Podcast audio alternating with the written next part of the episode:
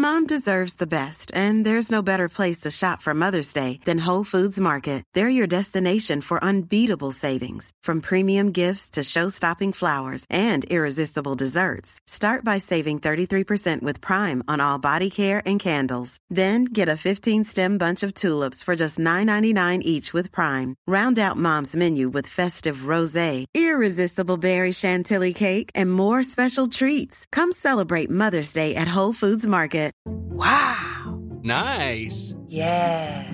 What you're hearing are the sounds of people everywhere putting on Bombas socks, underwear, and t-shirts made from absurdly soft materials that feel like plush clouds.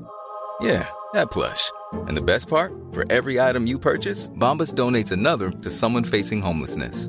Bombas. Big comfort for everyone. Go to bombas.com slash ACAST and use code ACAST for 20% off your first purchase. That's bombas.com slash ACAST. Code ACAST. Ready to pop the question? The jewelers at BlueNile.com have got sparkle down to a science with beautiful lab-grown diamonds worthy of your most brilliant moments. Their lab-grown diamonds are independently graded and guaranteed identical to natural diamonds, and they're ready to ship to your door. Go to BlueNile.com and use promo code LISTEN to get $50 off your purchase of $500 or more. That's code LISTEN at BlueNile.com for $50 off. BlueNile.com code LISTEN.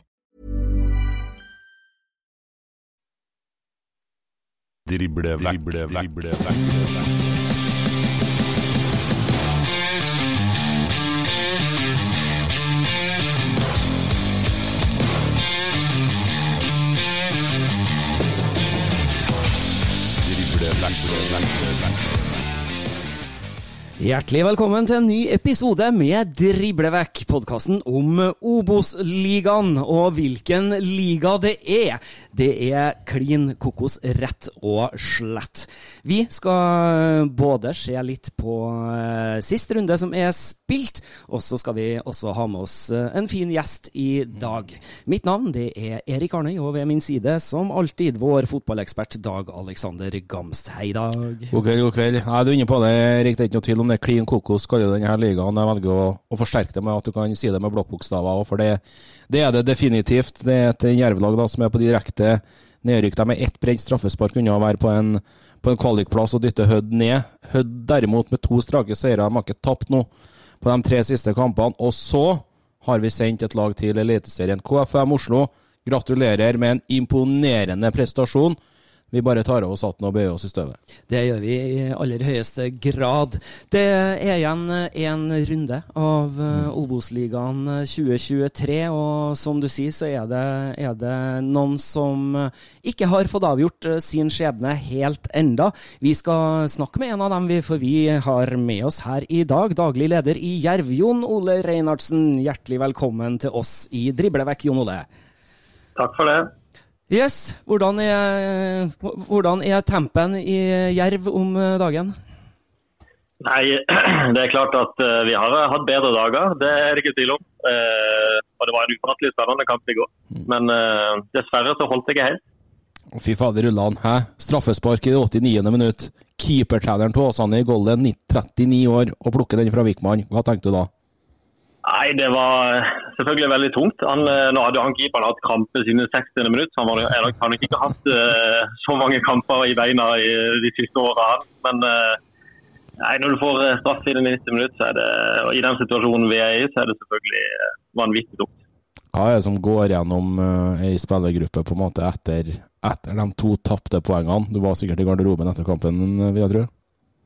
Det, det, er jo sånn at man, man føler seg nok litt sånn tom.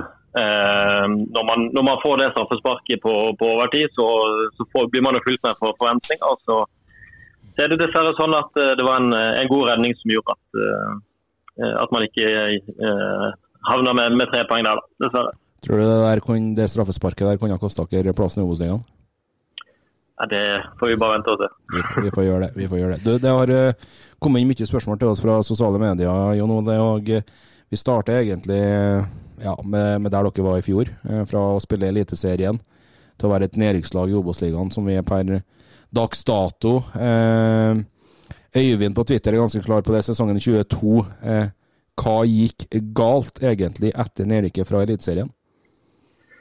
Det er et godt spørsmål. Det har jo vært et, et spesielt år. Jeg, tror ikke, jeg tror ikke det var mange som var overraska at vi rykka ned fra, fra Eliteserien. Men vi hadde jo ambisjon om å kjempe i, i toppen i Obos-ligaen i år. Mm. Uh, Oppkjøringa så veldig bra ut. Uh, Hustad og Petter Wilson på topp så, så veldig bra ut. Og Så begynte sesongen, og Hustad og Peter røyk på to langtidsskader. Eh, erstatterne som var Jeremy og Sincha og Pedro ble skada. Så satt vi Brenden på topp, og han ble skada. Så satt vi Leandro Fernandes på topp, og han ble skada. Vi lurte litt om det var en forbannelse på det å spille spiss i, eh, i Grimstad en periode der. Eh, og da eh, vi, vi slet fryktelig med skader, spesielt på, på vårparten.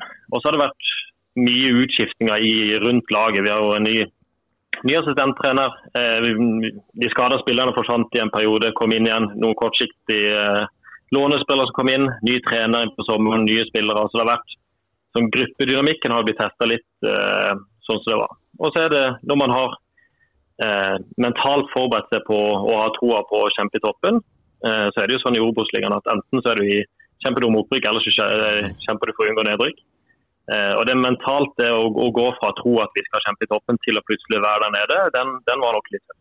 Eh, og jeg tror i enkelte kamper så har nok redselen for å tape vært større enn lysten på å vinne. Eh, og det har nok prega noen av kampene, tror jeg.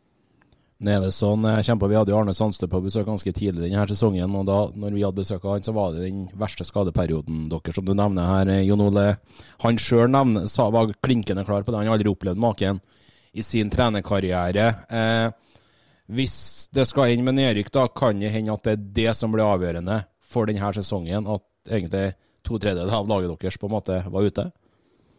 Det har nok vært med på det. Og så er det viktig å si at det er jo ingen tilfeldigheter. Noe, har man noen skader, så, så er det til- tilfeldig. Men når det er så mange skader som vi har hatt, så er det ikke tilfeldig. Da er det vi som ikke har gjort en god nok jobb, om det er scouting i forkant i forhold til skadehistorikk, eller om det er eh, hvordan vi trener osv. Så, videre. så vi, vi skal ikke legge skylda på det. Eh, men, men eh, at det har hatt eh, negative konsekvenser for poeng, pengene vi har tatt, det har det. nok. Du kom jo som eh, inn i Jerv som daglig leder eh, etter å ha vært, eh, hatt samme rolle i Grorud. Den, den villeste kampen du har opplevd med Jerv, er det den opprykkskampen mot Brann på Intility for to år siden, eller? Ja, jeg tror ikke du kommer unna den. Ja, den, hadde, den, hadde, den hadde alt. Eh, altså Fra brente straffespark til tåke til altså Jeg man sleit jo med å se hjørneflagger på andre sida til, til ekstraomganger med var det, var det seks mål i andre ekstraomgang der? eller Det var, det var iallfall helt vilt på en straffekonk. Så jeg, jeg tror ikke det har vært eh, Det er ikke bare den villeste kampen jeg har opplevd, men det tror jeg det er den villeste kampen de fleste har opplevd. Eh, og Hadde man spilt den kampen 100 ganger, så er det ikke så veldig mange av de vi hadde vunnet. Eh, sånn så, så det var nok litt tilfeldigheter der òg, men det var en, en sinnssyk, eh, sinnssyk kamp. Ja, nei, det var helt, helt, eh, helt uh, ko-ko. Uh, men ut ifra den situasjonen dere er i, da, Nordling86 på Twitter, han er Moss-supporter. Uh, han prøver på en måte å, å, å forklare det sånn, uten å mene at det her er direkte, at det høres ut som det, det, det, direkte, men har det gått litt for fort oppover for, for Jerv? Det var, mange, det var mange divisjoner opp på få år, og når da det lugger, trenger man en kultur i veggene. Er du med på hva han mener? Eh, om, om man rykker opp for tidlig, var det du tenkte på? Ja, at eh, det har på en måte blitt for mange opprykk på relativt kort tid, da, opp mot det her med å bygge kultur eh, i, i klubben. da.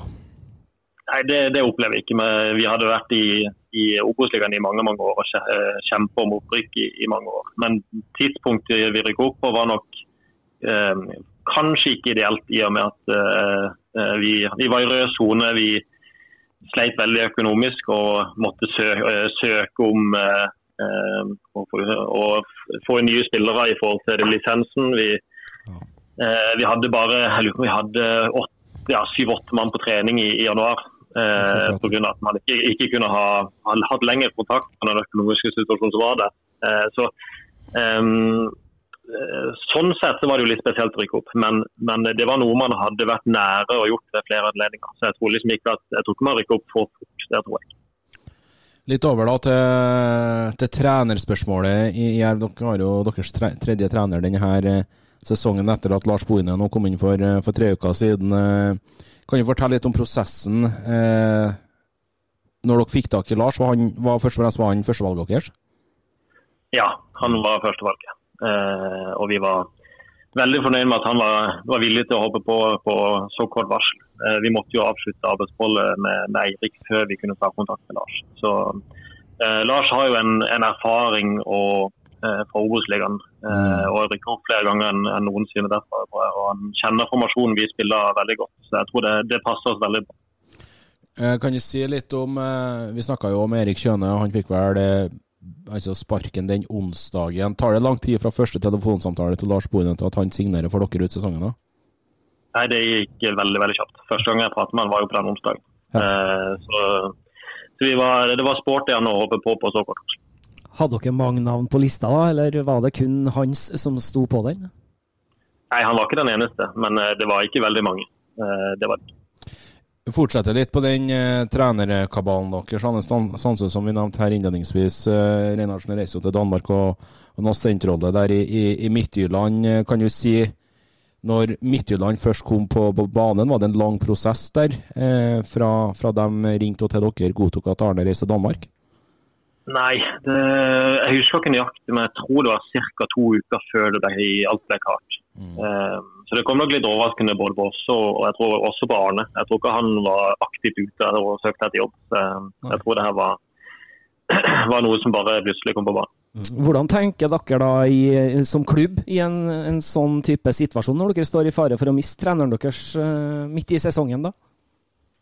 Nei, det, det er klart, det, det er jo ikke ideelt. Det å, det å miste en trener som har eh, vært der i så mange år, eh, og har på en måte en så kraftig stemme og har, en, har vært en så viktig rolle i, i Jerv så mange år, er veldig vanskelig. Jeg tror eh, Både internasjonalt og nasjonalt så tror jeg du ser at eh, det å erstatte trenere som har vært der veldig lenge, sjelden går veldig bra. Eh, Det ser du jo både med, med Arsenal, med Emery, som fikk sparken kjapt, Moyes i United. Mjøndalen har ikke gjort så bra etter, etter Vegard Hansen forsvant. Så det, det er veldig veldig mange eksempler på det. Men, men det vi konkluderte med, det var at vi ikke ønska å stå i veien for Arne når han fikk denne muligheten. Eh, og det hadde faktisk vært lettere å sagt nei hvis eh, hadde han ikke hatt den trackharden han hadde i og gjort så bra som han har gjort i Jerv. Eh, da ønsker, man ikke å, å stå i veien når, når han ønsker det. Dere bruker jo en stund for å finne en erstatter for eh, Sandstø. Eh, eh, Hvorfor og, og, og hvordan jobber dere med å finne erstatteren? Ja, Vi brukte jo litt tid på det, og det følte vi var veldig naturlig. Vi ønska en, eh, en bred prosess hvor vi, vi starta med å få mange innspill til hva slags type profil eh, vi ønska. Eh, og det var etter mange intervjurunder og referansesjekker. Det var, vi var vel fem forskjellige personer fra Jerv som var involvert i de forskjellige intervjurundene. Da tar, det, da tar det litt tid, rett og slett. Men eh, du snakker om innspill. Dere får innspill. Hvem er det dere får de innspillene av? Nei, det er av veldig mange forskjellige. Det, jo, det blir spilt inn fra agenter. det blir spilt, eh, Vi spør jo rundt, i, eh, rundt omkring i de eh, personene i Norge vi, vi kjenner. Eh, og så er det noen som tar eh, kontakt personlig også. Intervjurundene dere hadde med de respektive trenerne i den prosessen, var det både norske og utenlandske navn, eller? Ja, det var det. Men på slutten så var det bare norske navn. Ja. Ja. Så, eh, Men helt til starten så, så var det noen utenlandske også. Men vi, vi fant selv fort ut at, at vi ønska norsk profil. Det ender jo da med at eh, dere lander da på Erik Kjøne, Kristiansand-gutten. Blir enig på en treårskontrakt eh, der. eh, men det ender med exit etter 84 dager som Jerv-sjef. Han tok vel én seier borte mot, mot Raufoss på, på Toten. Hva var det egentlig som skjedde her, Jon Ole? Ja, nei, det, det å ta over etter noen som sagt etter så mange år er, vanskelig. Mm. Og Han tok over en tropp som han ikke selv har vært med og, og bygd. og Da tror jeg du, er, du trenger resultater på kort sikt. Eh, og Styret hadde en langsiktig tanke med å gi Eirik eh, den, den treårskontrakten. Men når vi gikk eh, ti kamper uten seier, så, så ønsker vi å gjøre en endring mot slutten for å prøve å snu den negative trenden og få en litt ny energi. Etter det. Det har jo kommet inn eh, et spørsmål rundt det her òg. Ødevar heter han på, på Twitter. Litt om tankene dine om at sånn som han påstår at det er flere spillere i troppen som eh, har likt å, tri å triumfere på sosiale medier, og Instagram og Facebook, eh, på innlegg om at Kjøne eh, fikk fyken i i Jerv, at de på en måte var positive til det. Er det et tegn på et svært usynt miljø? Og det tyder vel på at trenerbyttet burde skjedd mye før rykter om dårlig stemning i garderoben over lengre tid. Eh, Jeg tror Det var ikke sånn at det her var en samla spillergruppe som krevde avgangen til Eirik.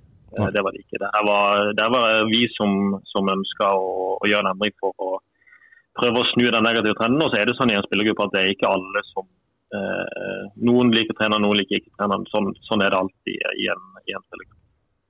Men spillergruppa her var òg en medvirkende årsak da på at uh, Kjøne måtte dra? Nei, det, som sagt, det, var ikke, det, det her var ikke en spillergruppe som sto og, eh, og krevde avgangen til, til Skjøne. Eh, vi ønska, vi ønska å, få inn en ny trener for å, fordi at vi ikke hadde vunnet på ti kamper. Og så gjorde vi selvfølgelig i en, i en evaluering eh, prate med, med spillere osv., men, men eh, konklusjonen var at man ønska å, å bytte trener fordi at man, eh, man ønska å, å, å få snu den negative trenden som vi var i da, etter de ti kampene. Du ble jo sjøl ny daglig leder i Jerv i oktober 2021. Da kom du jo fra rollen som daglig leder i Grorud. Kanskje du kan fortelle oss litt om den prosessen med, med det jobbskiftet? Ja. Eh, jeg ble kontakta en gang på høsten, jeg husker ikke nøyaktig når det var. Da hadde jeg akkurat vært i en prosess og takka nei til en annen klubb. Og egentlig konkludert med at jeg kom til å være i Oslo i noen år til. Det var ikke så lenge siden før det at jeg flytta innad i Oslo også. Var det norsk klubb Eh, du takka nei til, eller? Det var en ja, norsk klubb, Ja. Eh, så det, det kom egentlig litt brått på uh, det her med Jerv. Og jeg, jeg vel, jeg husker ikke om det var styreleder eller noen nestleder som, som tok kontakt. Uh, og så hadde hadde noen møter med de, og jeg var i utgangspunktet veldig skeptisk. Og det var fordi Jerv hadde vært i rød sone i åtte ganger på rad. Og jeg visste at det var en veldig stor jobb. Jeg visste at de var i nærme å miste lisensen. Hadde man eh, vært i rød sone en gang til, så, så, så ville man det. Eh, så Derfor brukte jeg mye tid på å se gjennom regnskap og, og budsjett og se om jeg mente det var en realistisk mulighet til å snu det. Og så plutselig og så, og så endte det opp med at jeg, jeg trodde det var det. Og så fikk kona mi tilbud om jobb i, i, i Sør, hun også samtidig. Så tenkte vi at uh, det her var en sjanse vi måtte opp på. Du nevner det, rød sone på, på den økonomibiten her. Eh, Det har ikke jeg sjekka akkurat nå, men eh, hva er status der hos Jerv i dag? Nei, nå er vi i grønn sone. Vi har vært i grønn sone de to siste gangene. Ja, hjalp å få deg på plass i. Ja, det, det var veldig fint at vi fikk ordnet det. Vi hadde ikke noe valg, egentlig. Hvis ikke vi hadde klart det, så hadde ikke vi spilt uh, i Da hadde vi fort vært i tredje divisjon. Ja. Så, uh, så det måtte vi få på plass. Enkelt og greit. Klare, eh, kan jeg si litt om forskjellene? Det å være daglig leder i, Grorud kontra i Jerv? Ja, rollene er jo ganske like. Eh, men det er jo større økonomi i Jerv, spesielt rundt A-laget.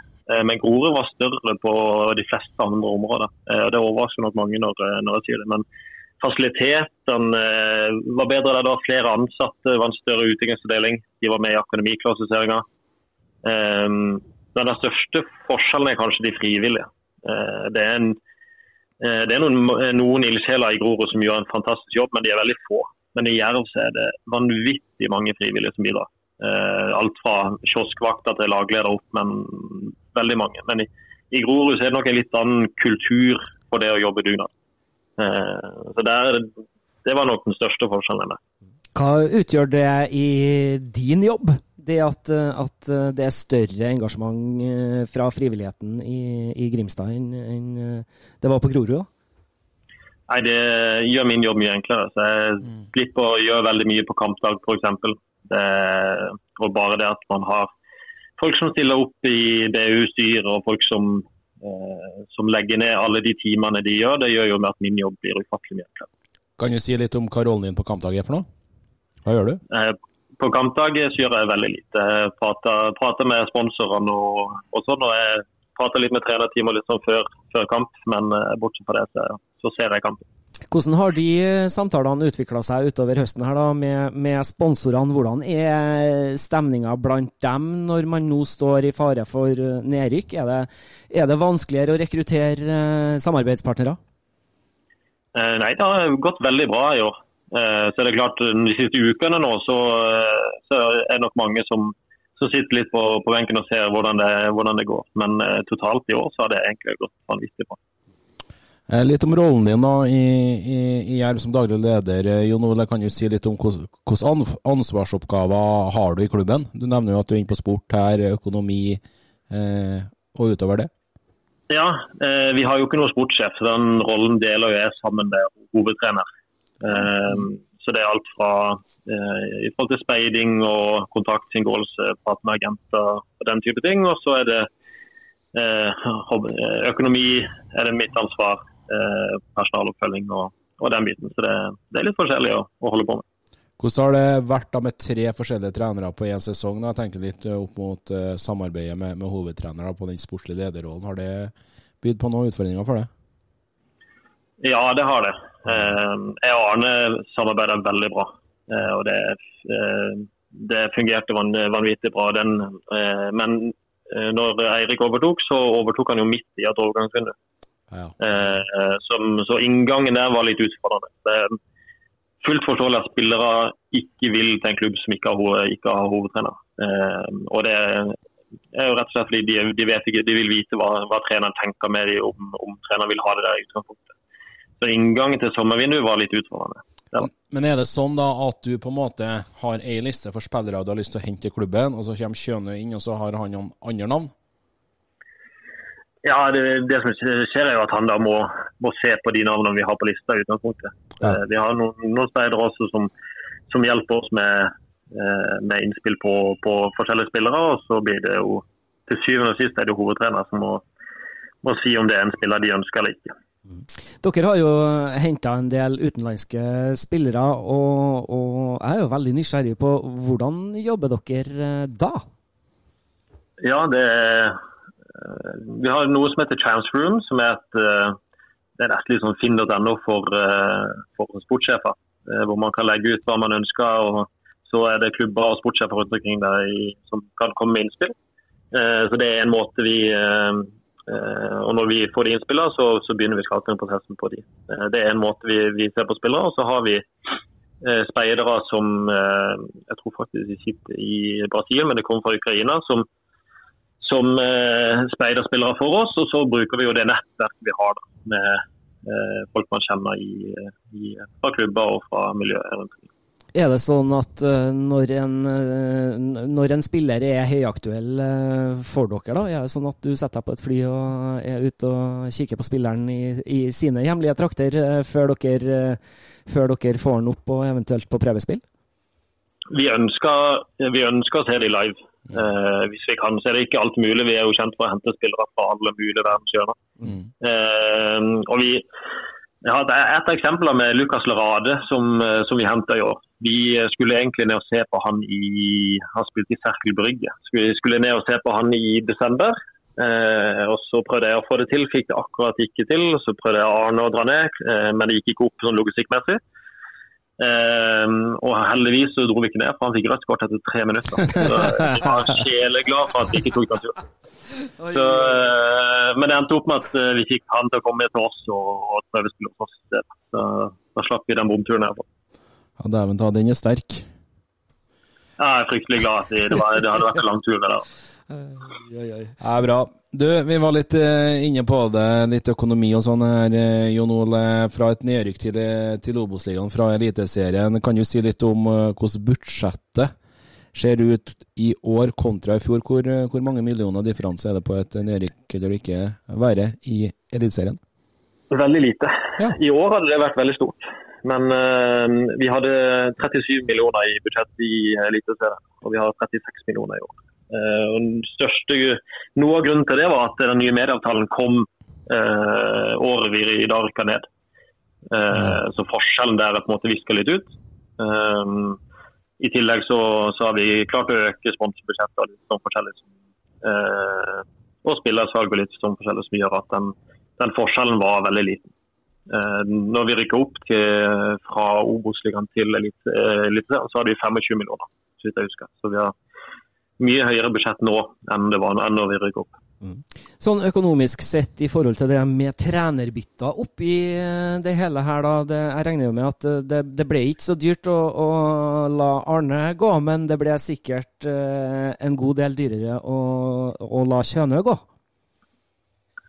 Ja, det er klart. Heldigvis så er det jo sånn at trenerne har veldig sterke kort når, når de har en kontrakt. og Det syns jeg er helt riktig, i og med at de har et veldig et yrke som er ganske krevende. Så, eh, men akkurat hva, hva han satt igjen med, kan jo ikke jeg si. Men eh, jeg syns det er veldig bra at de har eh, god kontroll. Det synes jeg, Sånn som treneryrket er, så syns jeg det er helt riktig. Men eh, hvordan eh, situasjonen setter det dere i Jerv i, i forhold til budsjettert opp mot eh, uforutsett? Eh, nei, økonomien har vi kontroll på. Så det, det bekymrer jeg ikke meg for. Det er mange som er opptatt litt av denne økonomien eh, på, på, på Twitter. og Jon Ole Fagerlok, som er litt på det her, hvis det skulle bli nedrykk nå til, til PostNord, hva må Jerv gjøre for å overleve rent økonomisk? Blir det satsing for å prøve å rykke direkte opp igjen, eller blir det å selge unna for å prøve å stabilisere seg? Nei, et, eh, et nedrykk for oss eh, vil i så fall føre til et inntektstak på rundt 12 millioner. Ah. Eh, så den summen er jo høy. Eh, men, men eh, vi hadde hatt, eh, hvis, hvis det er sånn at vi går ned, så kommer vi til ambisjonen om å gå etter. Og så er det klart at det er ikke alle spillerne som i den stallen vi har nå, som, som blir med videre. Men det er sånn uansett om, om vi holder oss. Ja, for Eivind på Twitter, han, du svarer egentlig på spørsmålene hans, men han er jo litt på det her budsjett for 24 om ved et nedrykk til Posten og ryker da stallen. Og det gjør han jo for så vidt ikke, men det blir jo en god del som drar. Det, det, det gjør det jo. Ja, det, det er naturlig at, eh, at det, er ikke alle som, som er det. Vi har en veldig stor stall i år, eh, og mye pga. skadene også. Så det er naturlig at han blir involvert.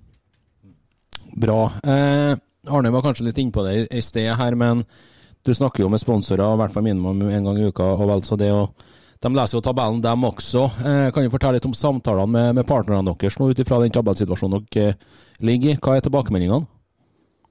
Nei, Jeg tror nok det er flere av de som, som er bekymra. Mm. Eh, det er mange som har et, eh, et stort hjerte for jerv. Eh, så det, det, er, er ikke tvil om at det preger nok de litt òg. Altså Ut ifra drifta på klubb, i klubben, da, både på sport og administrasjon da, ved, ved et nedrykk, da, vil, det, vil det her gå utover eh, altså ansatte i klubben, med, med tanke på at de står i fare for å miste jobbene sine? Vi har en eh, veldig liten administrasjon. Eh, så det, det er nok ikke der vi, vi, skal, vi skal kutte. Eh, så, men det, det, er nok mer naturlig at det blir litt lavere eh, lønnsbudsjett rundt A-laget. Det, eh, det er nok det som vi vil endre, endre til neste.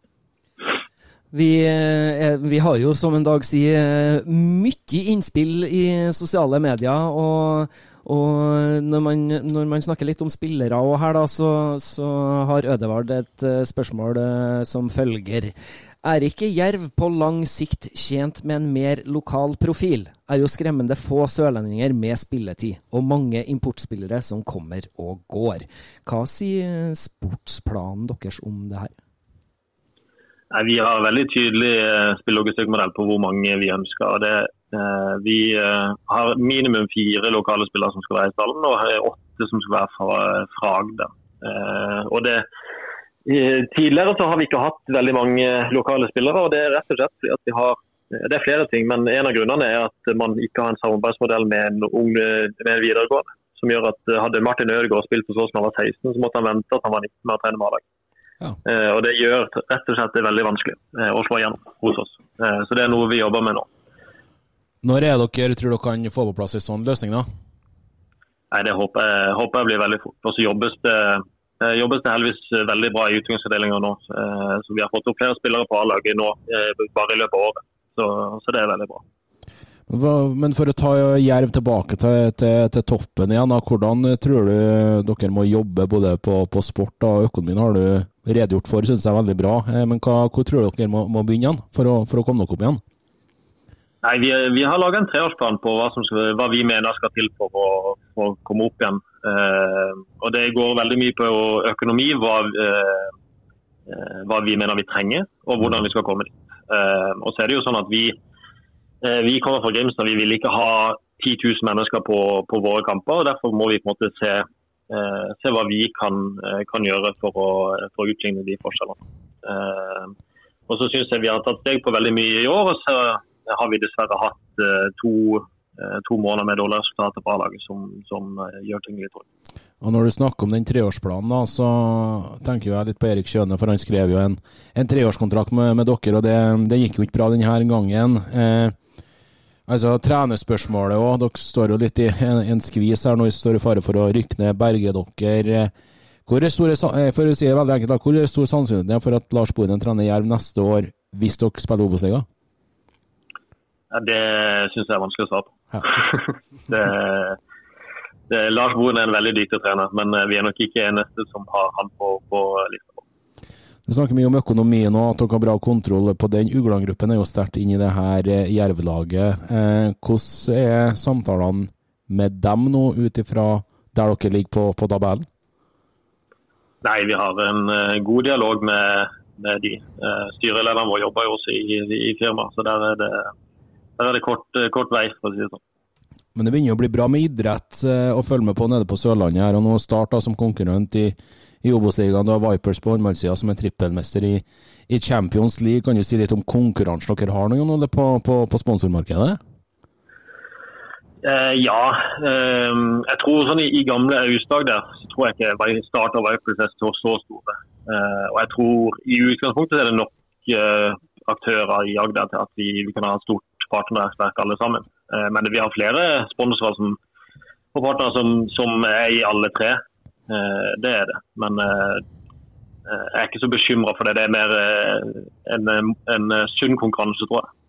Ja, for Øyvind er litt på, på det der, på, på sponsorfronten og snakker litt om lokal forankring overfor sponsormarkedet. Det er litt, litt der dere er òg, eller?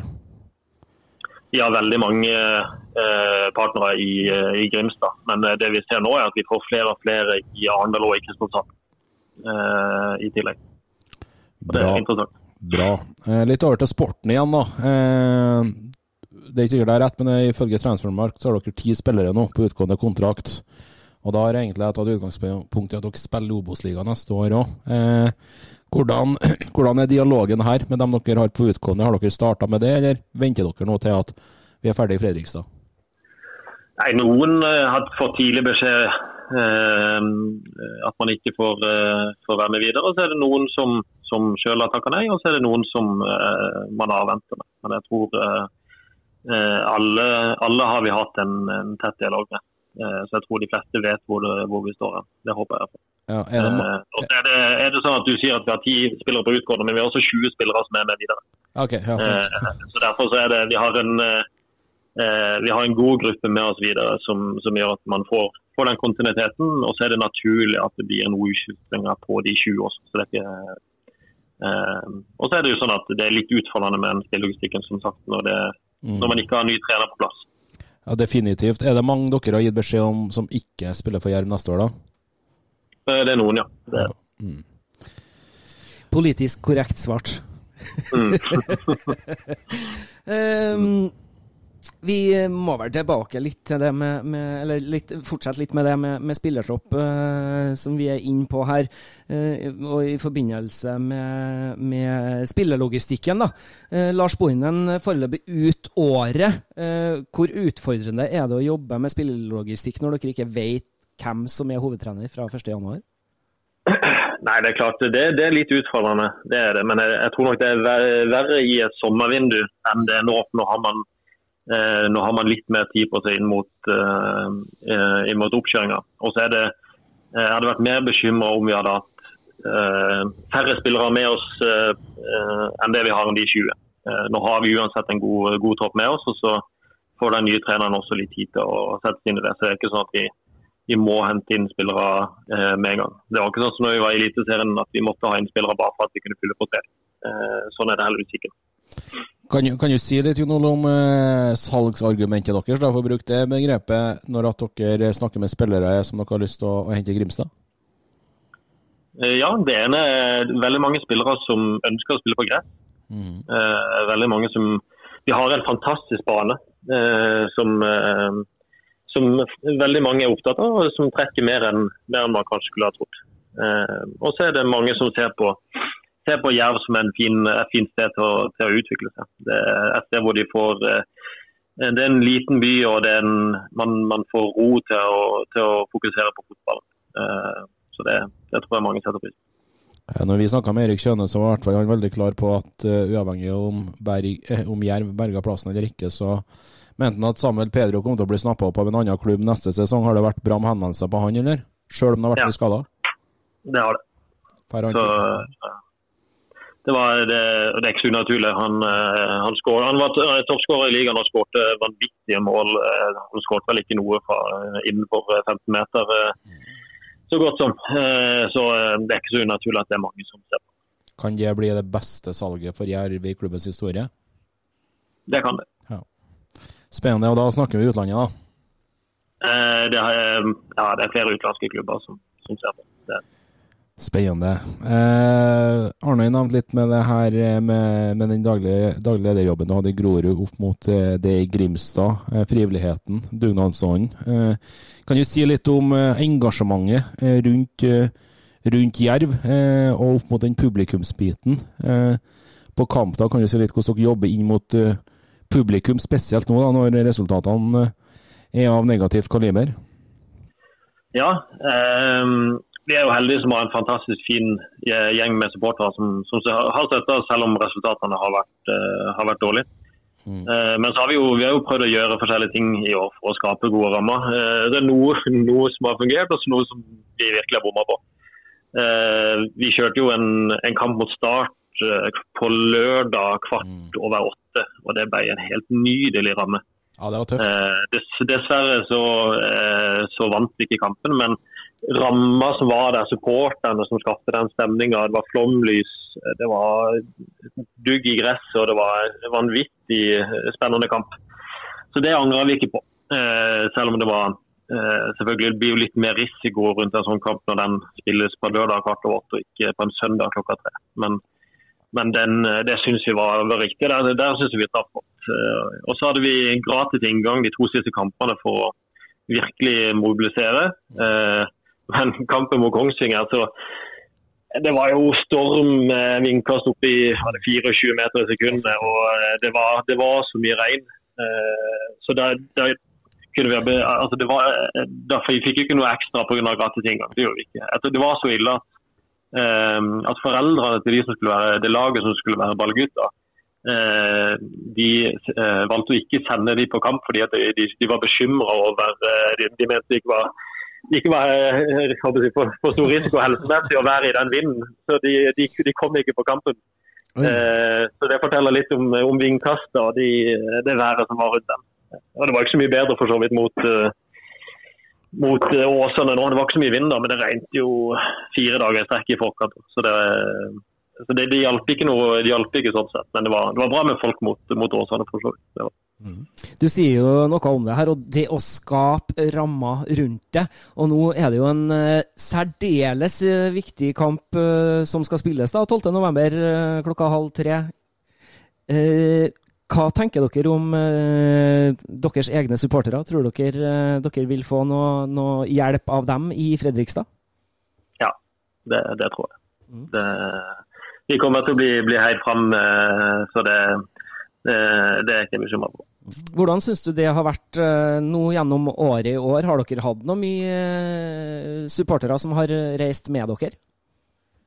Ja, det, de aller fleste kamper så er det bra med, bra med bortesupportere. Er det, det er et langstrakt land, da, så er jo selvfølgelig ikke det er vanskelig å fylle opp borteseksjonen over hele Norge. Men eh, det er mange kamper som eh, Senest eh, mot Skeid nå, som var forrige bortekamp, så var det veldig bra med, med folk fra Grimstad. Så det, det er veldig gøy å se. Ja, det er veldig, veldig bra. Det er i hvert fall viktig i sånne perioder når det bøtter imot. Det er ikke noe, noe, noe tvil om vi begynner å komme rundt her, eh, Jon Ole. Men eh, Eivind er ivrig på Twitter. Eh, Hva mener du skal til for at eh, Jerv rykker opp til Eliteserien igjen? Eh, da må vi jobbe bra over, over litt tid. Vi må få en økonomi som er, er enda større enn det vi har. Og så eh, må eh, jeg både anlegg og forutsetningene ellers bli noe bedre. Mm. Blant annet så må vi eh, få et samarbeid med en ungdomsskole som gjør at vi, vi får flere unge eh, folk fra Grimstad opp. Men eh, det er mange, vi har veldig mange punkter på, eh, på den strategiplanen på hva som skal til. Men, men eh, vi må litt grann opp i, i økonomi. og så Eh, så er det disse små eh, andre punktene også som forbedrer måten vi driver spillelogistikk på. En del andre sånne, sånne ting som vi kan forbedre, som jeg tror blir viktig. KFM har rykka opp til Eliteserien nå, nå i helga etter den gjennomseieren hjemme mot Skeid. Hvor sterk er egentlig den prestasjonen det, det KFA har gjort i år? Eh, Jeg tror ikke vi kan, ikke vi kan si, underbygge hvor, hvor sterkt det. Altså det, det, det budsjettet de har, måten de har jobba på, mista treneren sin, eh, som har vært her lenge. De har mista var det fem av de, noen av de viktigste spillerne de hadde der i fjor. og Likevel så leverer de bedre enn noensinne. Det, de har jobba vanvittig bra over mange år. Eh, og eh, at, at, eh, at, man kan ende opp i en situasjon hvor eh, eneste Oslo-lag i, i uh, Eliteserien er Koffa, det, det, er det ikke mange som har trodd. Og dere var jo en av få lag som slo Koffa i år òg? Ja, ikke sant. Det var en 4-3-kamp der som uh, det var, det var fryktelig, fryktelig morsomt. Ja, det var litt av en uh, fotballkamp. Det var det to eller tre ganger i kampen her Koffa, tror jeg, så sluttet dere vant 4-3. Ja, det var en uh, vill avslutning på den kampen her. Helt på tampen her, Jon Ole, hvor er Jerv om uh, fem år, sportslig? Nei, Da håper jeg at uh, Vi har jo en plan om å komme opp til Eliteserien, men hvor mange år det tar før vi kommer dit, det er litt vanskelig å si. Men jeg får svare det. Da gjenstår det for oss å ønske dere riktig lykke mm. til eh, mot eh, Fredrikstad i den siste ordinære kampen av årets eh, Obos-liga.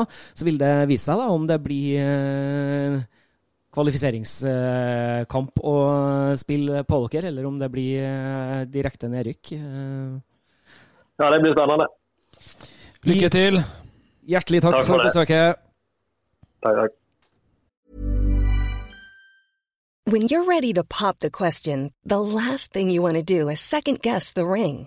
At Bluenile.com, you can design a one of a kind ring with the ease and convenience of shopping online. Choose your diamond and setting. When you find the one, you'll get it delivered right to your door. Go to Bluenile.com and use promo code LISTEN to get $50 off your purchase of $500 or more. That's code LISTEN at Bluenile.com for $50 off your purchase. Bluenile.com code LISTEN. Hey, I'm Ryan Reynolds. At Mint Mobile, we like to do the opposite of what Big Wireless does. They charge you a lot, we charge you a little. So naturally, when they announced they'd be raising their prices due to inflation, we decided to deflate our prices due to not hating you. That's right. We're cutting the price of Mint Unlimited from $30 a month to just $15 a month. Give it a try at mintmobile.com slash switch. $45 upfront for three months plus taxes and fees. Promo for new customers for limited time. Unlimited more than 40 gigabytes per month. Slows. Full terms at mintmobile.com.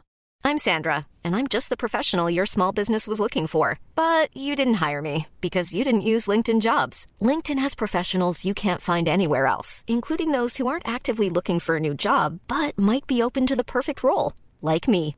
In a given month, over 70% of LinkedIn users don't visit other leading job sites. So if you're not looking on LinkedIn, you'll miss out on great candidates like Sandra. Start hiring professionals like a professional. Post your free job on linkedin.com/people today.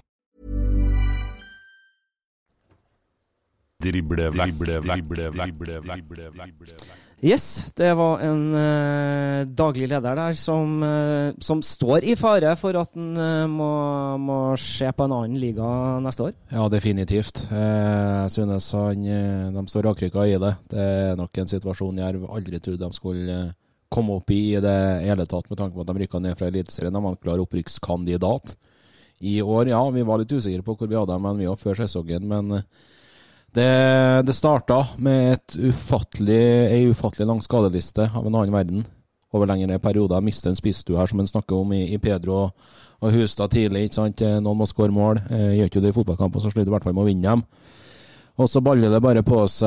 Arne Sandstø får den muligheten eh, med, med, tur til Danmark. Vært i klubben i syv-åtte år. Erik Kjønø inn der. Eh, får ikke til å klaffe. Én seier etter 84 dager exit. Og nå Lars Bohinen, som har rykka opp da, både med Stabæk og Ålesund fra, fra Obos-ligaen. Fredrikstad borte. Eh, ja, eh, som jeg sier, Fredrikstad har ingenting å spille for, det har ikke jeg. Men eh, det er noe med å spille for æren og eh, Ja, vi må bare, hva skal jeg si eh, terpe litt mer inn mot helga, vi òg, tror jeg, for å på en måte se realiteten i det her. Og så får vi se om, eh, om Jerv spiller Obos-ligaen neste år. Ja, for det var jo et Jerv-lag som uh, måtte dele poengene sine med Åsane i helga. Og det måtte jo faktisk Fredrikstad også. Det ble jo 2-2 mellom Fredrikstad og Moss. Og vi skal ta for oss uh, alle åtte kampene, vi, med, med resultatene som ble i dem. Drible, drible, drible, vekk, drible, drible. Og da begynner vi med Moss og Fredrikstad i dag, som, som endte 2-2 og uavgjort. Og vet du hva? Det hadde vi satt som tippetegn. Det må vi takke Henrik Kjelsrud Johansen for. Mister Fredrikstad. Han skåra Det var lagt til fire minutter i matchen. og Han satte inn utligninga 94-47 på Meløs, så det må vi bare takke han for. Eh, lokaloppgjør på Meløs, eh, der det var målløst til pause. Men det var Brandrud Henriksson og FFK da, som tok ledelsen 1-0. Så var det Fredrikstad som skåra igjen, men de skåra feil mål. Canadieren Patrick Metcalf som var uheldig å sette ballen i eget eh, nett. Og så snudd matchen med Klemetsen og Jacobsen eh, kun seks minutter etterpå. Og eh, som nevnt da Henrik Kjelsrud Johansen da, som setter inn utligninga fire og et halvt minutt på overtid. da, og revansjerer seg da fra hjemmetapet mot Mjøndalen sist, og får en uavgjort i lokaloppgjøret mot Moss. Men det sikrer også Moss plassen i neste års Obos-liga. Imponerende prestasjon. Dem hadde vi dømt nord og ned. Det hadde vi. Så det er bare å si gratulerer til Thomas Myhre og prosjektet på Melhus, for det er knallsterkt. Absolutt. Det ble altså ingen ren parademarsj uh, videre inn i Eliteserien for uh, Fredrikstad, for de måtte dele poengene med Moss. Det ble 2-2 på Meløs. Beveger oss videre til en match som vi hadde satt tippetegnet hjemmeseier på. Det var en match du overvar eh, ringside, Dag Alexander. For den matchen her, den kommenterte jo du for TV 2. Det var altså Kristiansund mot Raufoss. Ja, det var sterke saker. Eh, det var et Raufoss-lag som reiste opp til Nordmøre uten å ha skåra mål i oktober. Null mål! De hadde ikke skåra mål siden 24.9. i 1-1-matchen mot eh, Sandnes Ulf. Det var trønderen Andreas Helmersen som sto for. Men de får en drømmestart eh, oppe på Nordmøre. De gjør hele fire endringer fra hjemmetapet mot Hødd sist. En av dem som fikk komme inn, var Andreas Østerud på topp. Og han skårer mål allerede etter ni minutter.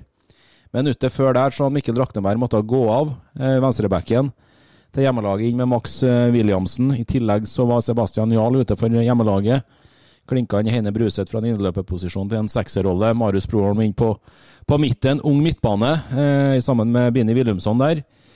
Men 1-0 eh, til pause til Raufoss, og så dobla eh, også laget fra Toten ved sveitseren Louis Metler, som satte inn sin syvende fulltreffer. Han skåra på straffe i det omvendte oppgjøret mot KBK på Toten, men denne her var en lekkerbisken, en rakett på hjørnet av 16-meteren, som et prosjektil.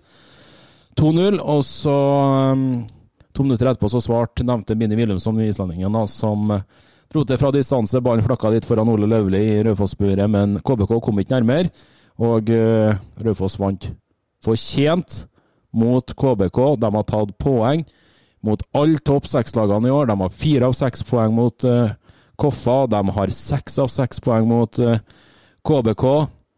Rett og slett imponerende. Tiende seier i år. Tiende Nei, femte borteseier og sikra plassen med god, god margin med 38 poeng nå. Skuddsikkert lag fra Nammo. Herlig. Ja, det er det.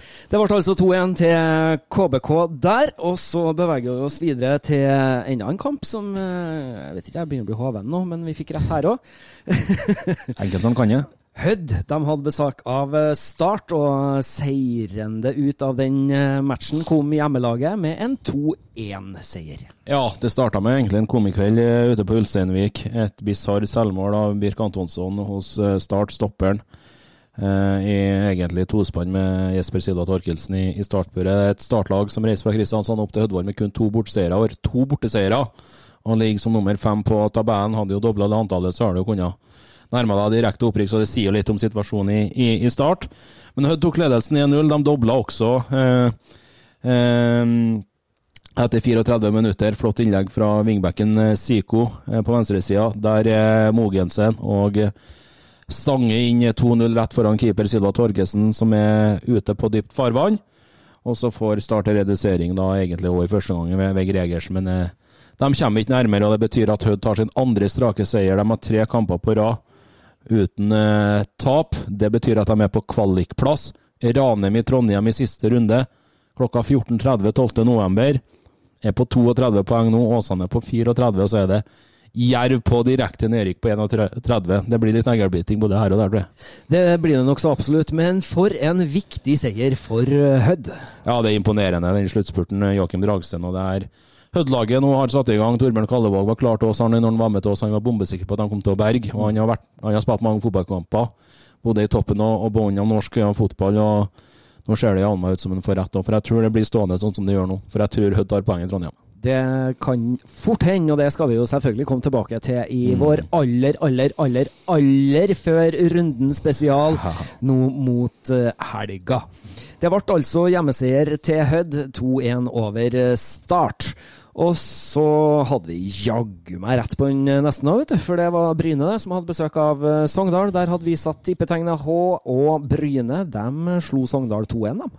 Ja, et Sogndal som egentlig er i forferdelig form. De ligger nest sist på, på formtabellen på de fem siste matchene. Det, er tre, eh, tre tap, én seier og, og én uavgjort. Og det er to, to, to strake tap nå for det her eh, Sogndal-laget, som tapte 3-0 borte for Koffa sist, og så ryker de også 2-1 på Jæren. Fullt, fullt eh, fortjent. Og det betyr at det her Bryne-laget da blander seg opp i kvalikdiskusjonen. De er på en syvendeplass med 41 poeng. Sogndal er på den siste viktige sjetteplassen da, på 42 poeng. Eh, så det vil stå mellom de to lagene. da. Eh, Bryne reiser jo til Toten og bortematch mot, mot et Raufoss-lag som ikke har noe å spille for. Men eh, det starta med et sjølmål av eh, Sogndal og Daniel Arocha, som satt ballen i eget nett. Så dobla Dobla Bryne like etterpå. Det er jo portugiseren Moera som drar til fra distanse, så snøver den, eh, snerter den ballen eh, Saunes da. 2-0 Bryne. Så er det Kristoffer Nesse som reduserer med et lite kvarter igjen, da. Men eh, nærmere kom ikke Tore André Flo og Sogndal i den matchen heller, som egentlig er i fæl form, da, som vi nevner. Tre tap på de fem siste. Lover ikke helt bra, med tanke på at det er Mjøndalen som venter neste. da. Det er helt riktig. Det ble altså 2-1 til Bryne over eh, Sogndal. Og så skal vi bevege oss eh, videre til nevnte Mjøndalen. De hadde besøk av eh, Kongsvinger. Vi hadde satt tippetegnet U på denne matchen. Det endte med borteseier 3-2 til Kongsvinger. Ja, gjorde det, men jeg hadde ikke hadde noe sagt om det hadde blitt uavgjort heller, for det var et Mjøndalen-lag som hadde store målsjanser i form av Mathias Springaker. Men det var gjestene fra Gjemselund og Martin Helland som sendte eh, Kiel i føringa eh, på Konsto. Og eh, halvtime etterpå så fortsetter Love Reutersvern å skåre mål for eh, Mjøndalen. Han skåra mot Fredrikstad sist i Plankebyen og to strake kasser nå på, på svensken, før eh, Kongsvinger har skrudd på dampen igjen i andre omgang. Martin Hode Andersen inn med, med skåring igjen. Og en fin kontring som venstreback Mats Håkenstad omsetter i 3-1. Og så var det Jokke Olsen Solberg da, som dro til med et vidunderlig frispark på, på tampen. og Det betyr at Kiel da innkasserer sin tredje strake seier etter at Johan Wenberg tok over treneransvaret i Kongsvinger. Det betyr også at de sikra tredjeplassen, som betyr at de vil få hjemmekamp i den siste kampen for å møte et eliteserielag. Så får vi se om det blir match mot Bryne, Sogndal, Start eller Kristiansund, da. Ingenting er avgjort eh, før siste runde er spilt. Nei, det er ikke det. det, er ikke det. Nei, det blir spennende. Det blir 3-2 til Kongsvinger på bortebane der mot uh, Mjøndalen. En, uh, Sterk seier. Sterk en eh, meget konsentrert Vegard Hansen oppå sin egen veranda der med telefonen foran seg, så jeg. Han hadde klart så Nei da, Mjøndalen var i god form. De, Arne, de hadde tre seire på de fire siste før tapet i går, så det så mørkt ut for Mjøndalen en vending, men Nicol snudde og sikker plass, og det blir Obos-ligafotball på Konsta neste år. ja. Yes. Bevege oss videre. Vi var jo innom den uh, ganske bra i sted her, uh, for så vidt. Det var jo den uavgjort uh, og målløse kampen mellom Jerv og Åsane. Og som du sa der, strafferedning av en meget rutinert fyr. Ja, det er jo helt spesielt. Eh, Ida Lysgård var ute med, med skade. da, Inn kom keepertrener eh, eh, eh, 39 år, og redder det straffesparket fra kaptein Mathias Wickman i det 89. minutt. Det er på mange måter en helt nydelig historie. Ja, og Det kan jo være forskjellen på nedrykk for en av de to lagene. Det, det kan det. Det, det, det er så marginalt, og det sier litt om, om denne ligaen òg. At alle slår alle. og Det er noen, eh, noen klipp du bare må ha på tape og, og klippe ut, og et av de her øyeblikkene blir helt sikkert den redninga. For eh, enten rykker Jerv ned, enten spiller de kvalik, eller så kan det hende at Åsane må spille kvalik. Det har du helt rett i. Det endte målløst 0-0 mellom Jerv og Åsane. Da står det igjen to matcher fra runde 29. Da har vi eh, Jeg vet ikke hva vi skal si engang, annet enn at vi må ta av oss hatten og gratulere ærbødigst til Koffa. De er eliteserieklar. eh, en helt eh, fantastisk eh, sesong som, som kulminerer i opprykk for dem. De slo Skeid 1-0 på hjemmebane. Ja, de gjorde det. Det ble den andre hjemmebane da, med tanke på at det er litt for mørkt å spille på, nei, på Ekeberg eh, nå på den tida her, så Intility ble brukt, og de vant 1-0. Remi Svindland. eh, de fortsetter bare å ta poeng. Eh, fire seire nå på de, på de fem siste. Det er knallimponerende. og Det ble den ene skåringa, det var fullt, fullt fortjent. og og bare følge Jon Ole Reinhardsen, daglig leder i Gjær, på det her. Jeg tror ingen som er klar over hvor stort det her er. Hvor imponerende det er. Altså, KFM Oslo skal på Lerkendal neste år. De skal på Lerkendal neste år. Det er helt spinnvilt. Det er faktisk helt, eh, helt vilt, som du sier. Og som vi har vært innom eh, litt tidligere her òg, så, så står vi jo nå på de to øverste nivåene med en situasjon hvor, hvor det kan være et scenario hvor KFUM Oslo spiller eliteserie i 2024, og Vålerenga står i risiko for å spille Obos-liga i 2024. Ja, det er ikke noe tvil om, med tanke på at Vålerenga tapte igjen i går mot, uh, mot Sarpsborg borte. og De møter jo Stabæk i kommende runde. Det blir jo helt sinnssykt. Ikke at vi skal snakke for mye om, om Eliteserien, men uh, det, det, er jo helt klart, Arne, det du sier her er helt rett. og Det kan jo i tillegg kulminere i at Vålerenga møter Lyn i Obos-ligaen neste år. Det kan det faktisk uh, gjøre. Så, så, det som vi har sagt så innmari mange ganger tidligere her nå, det, det er klin klin kokos. Hjemmeseier til KFM over Skeid 1-0. Og så har vi da siste matchen fra runde 29. Der hadde vi satt uh, tippetegnet B på matchen mellom Sandnes Ulf og Ranheim.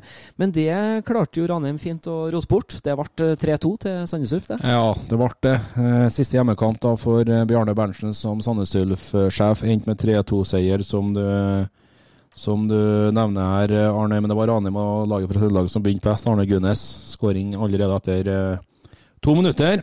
Artan Nemedov han herja med Ranheim i Trondheim i sommeroppgjøret, da Sandnes Ulf vant 5-0. Han skåra mot Ranheim denne gangen også i Sandnes 1-1 etter fem minutter. Og så var det Nikolai Skuseth, da stopperen som de henta fra Molde, som fikk sin debut på U20-landslaget til, til, Norge nå i den siste landslagsperioden, som stanga inn 2-1 på Morten Gamst Pedersen sitt eh, hjørnespark. Og så var det tid for Sandnes Ulf i andre omgangen til å snu det her Ingvald Hallguseth fra distanse 20 minutter før slutt. Og så var det et vanvittig solorai da Mathias Belli Malskrud som egentlig gikk hele veien fra midtbanen og passerte den ene ranespilleren etter den andre. Og avslutta da med overliste Magnus Lenes på en vidunderlig måte. Og da vant Sandnes Ulf 3-2 i Sandnes. Og da er de oppe på 37 poeng. Men det blir troneskifte i Rogaland. De klarer ikke å ta igjen Bryde. Det gjør ikke de, og det snakka jo vi om i forbindelse med vårt tabelltips før sesongen ble sparka i gang òg, hvor du så fint spådde det tronskiftet. Gjorde jeg det, og eh, det så ikke sånn ut midtveis i sesongen her, men Kevin Knappen han trykte på de rette knappene i sommer nå, og delvis i høst der, og har egentlig hatt en meget, meget bra reise med det her Bryne-laget, om han troner det da med å ta den siste playoff-plassen, og så blir man faktisk ikke overraskende over det. For det, det er et sterkt arbeid de har lagt ned nå på Jæren. Det er det så absolutt. Det vil si det at etter runde 29 er spilt, så står vi fortsatt med en uttelling på 50% på våre tippetips. Vi, vi er jevn. Ja da, men det, det, det er viktig, det.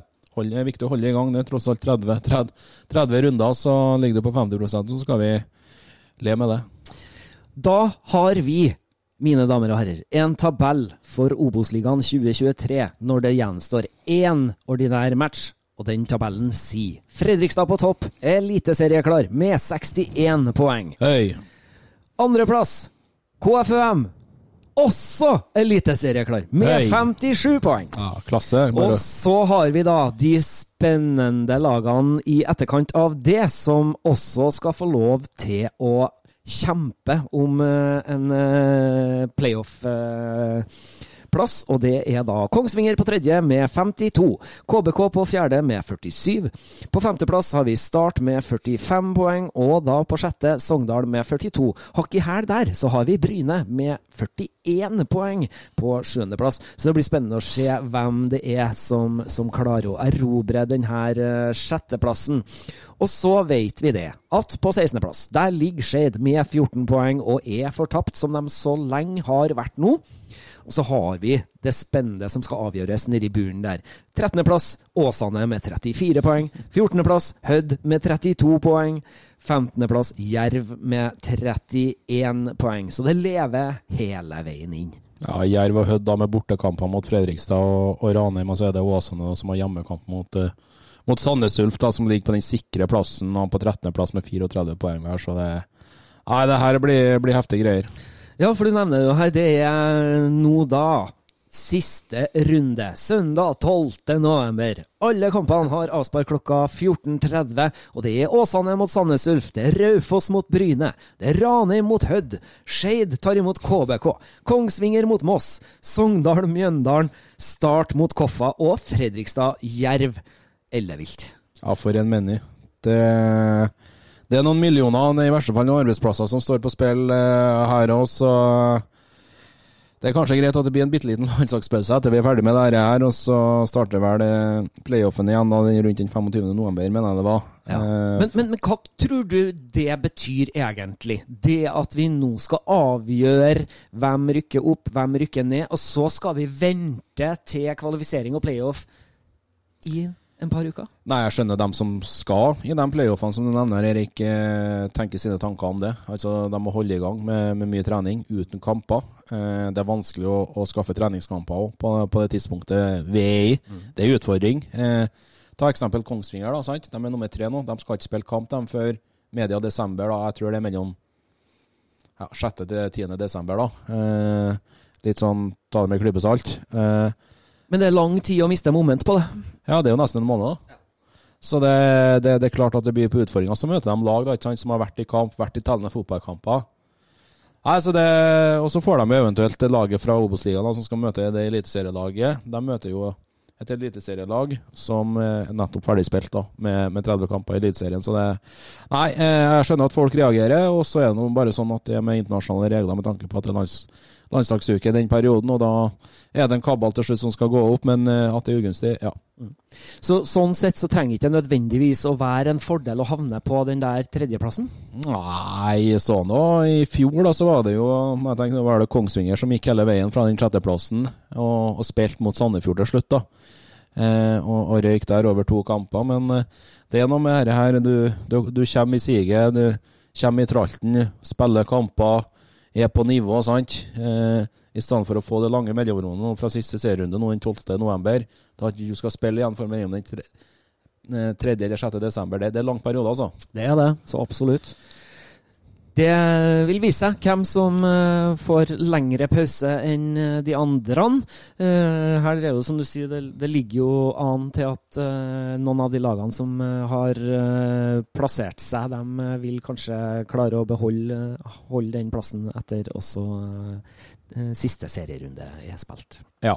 det, er noe, det er jo kamp om den fjerdeplassen òg. KBK har jo den nå. Start jager. Eh, det er et startlag som spiller hjemme hos et KFA-lag som ikke har noe å spille for. KVK skal til Nordre Åsen og møte et Skeid-lag. Den kampen spilles på, på Jessheim, på Ullkisa sin arena. Men de møter i hvert fall et Skeid-lag som har rykka ned for lenge siden, som du sier, Arne, og har lave skuldre. Så det, det er ikke en eh, umiddelbar trepenger for Skirid heller. Nei, det er det så absolutt uh, ikke. Vi har uh, tatt for oss uh, både runde 29 Vi har hatt uh, fint besøk av daglig leder i Jerv, Jon Ole Reinhardsen. Og så skal vi begynne å runde av for denne gangen. Men Fortvil ikke, kjære lytter, for det om sesongen går mot sin slutt, så har vi i Driblevekk bestemt oss for at vi skal holde det gående hele vinteren med en ukentlig episode som kommer rett hjem i ørene dine. Og i den forbindelse så er vi på jakt etter nye samarbeidspartnere og sponsorer. Så eh, hvis eh, du har tips å komme med der, så gjerne tips den eventuelle sponsor- eller samarbeidspartneren til å ta kontakt med oss, eller tips oss om eh, hvem vi skal kontakte. Vi må takke våre samarbeidspartnere per i dag. Det er altså Hufs og Stjørdal Autosalg. Og så anbefaler vi jo som alltid da, å gå inn på nettavisen.no. Der ligger det masse fint eh, Obos-liga-snacks. De har også en egen eh, side for Obos-ligaen som heter obosligaen.na.no. Der eh, får dere med dere det aller, aller meste, og linker til både høydepunkt fra de rundene som er spilt, og tilgang på de matchene som skal spilles. Så ta dere en tur inn på deres eh, side. Vi vil jo gjøre et lite siste frieri òg, da. For vi er jo på sosiale medier. Vi er på Twitter og på Instagram, og der ønsker vi jo selvfølgelig å få så mye følgere som mulig, sånn at eh, vi kan holde alle som er eller alle som er interessert i Obos-ligaen, eh, oppdatert. Så ta dere en tur inn der og trykk følg. Ja, og hvis folk har noen gjester vi bør eh, snakke litt med som vi ikke har gjort hittil, så er det bare å komme med tips med det, og så skal vi jobbe for å lande noen avtaler der. Absolutt.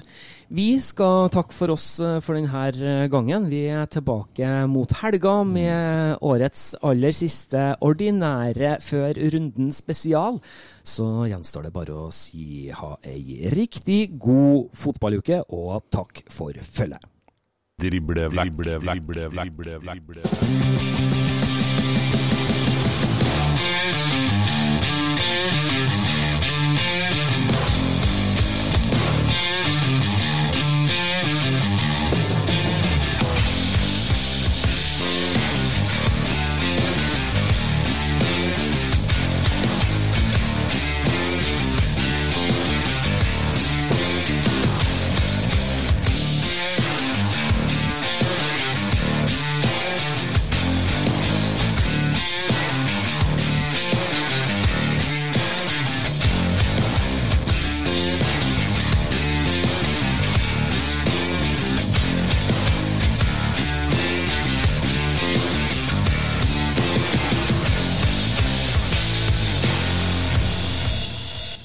Drible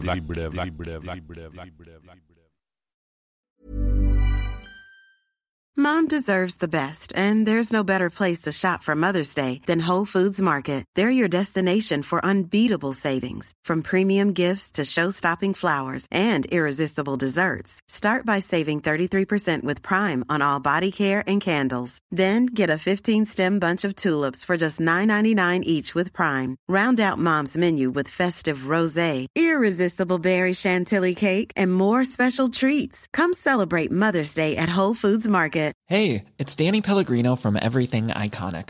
Ready to upgrade your style game without blowing your budget? Check out Quince. They've got all the good stuff shirts and polos, activewear, and fine leather goods, all at 50 to 80% less than other high end brands. And the best part? They're all about safe, ethical, and responsible manufacturing. Get that luxury vibe without the luxury price tag. Hit up quince.com slash upgrade for free shipping and 365 day returns on your next order. That's quince.com slash upgrade. Mom deserves the best, and there's no better place to shop for Mother's Day than Whole Foods Market. They're your destination for unbeatable savings, from premium gifts to show-stopping flowers and irresistible desserts. Start by saving 33% with Prime on all body care and candles. Then get a 15-stem bunch of tulips for just $9.99 each with Prime. Round out Mom's menu with festive rosé, irresistible berry chantilly cake, and more special treats. Come celebrate Mother's Day at Whole Foods Market.